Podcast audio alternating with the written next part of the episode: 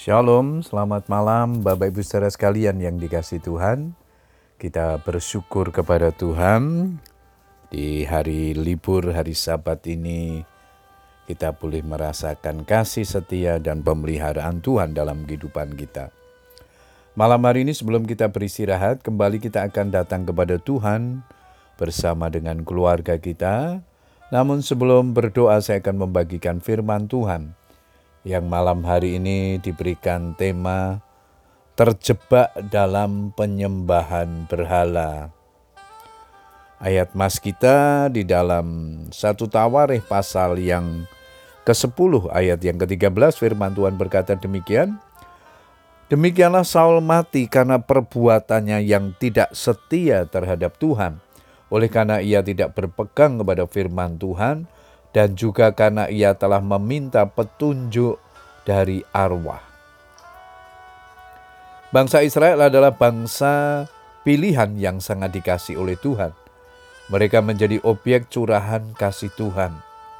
Meski selalu mengecap kebaikan Tuhan dan pertolongannya, bangsa Israel sering kali memberontak terhadap Tuhan dan tidak lagi setia kepadanya. Salah satu contoh perbuatan mereka yang menyakiti hati Tuhan adalah ketika diperhadapkan dengan masalah, tidak lagi meminta petunjuk kepada Tuhan, tetapi malah meminta petunjuk kepada peramal.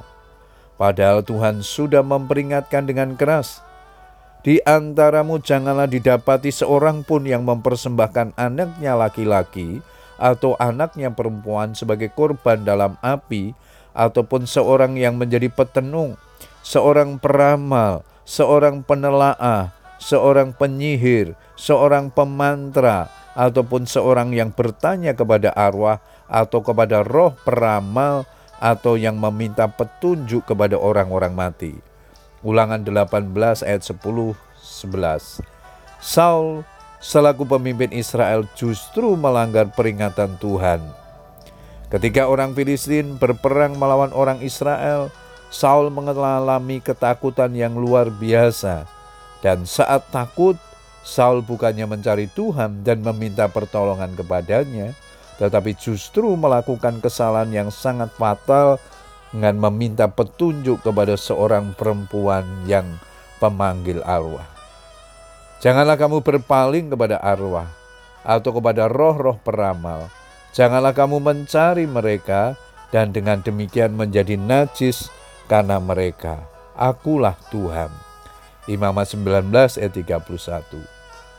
Mempercayai arwah, peramal, dukun atau orang pintar artinya kita menajiskan diri dengan berhala dan bersepakat dengan kuasa gelap.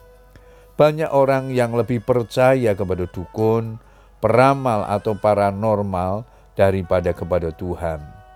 Ketika usaha atau bisnis sedang sepi, ketika belum mendapatkan jodoh, supaya karir cepat menanjak, orang rela mengeluarkan uang untuk meminta petunjuk kepada dukun, arwah, atau paranormal agar mendapatkan pertolongan secara instan.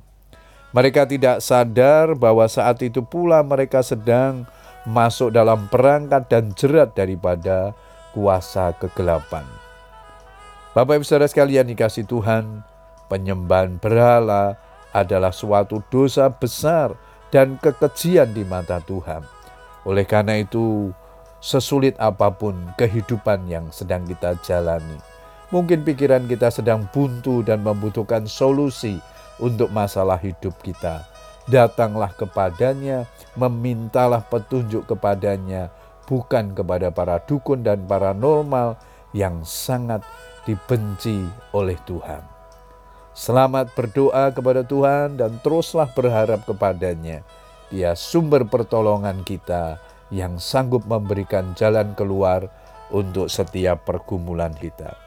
Selamat berdoa, Tuhan Yesus memberkati kita semua. Amin.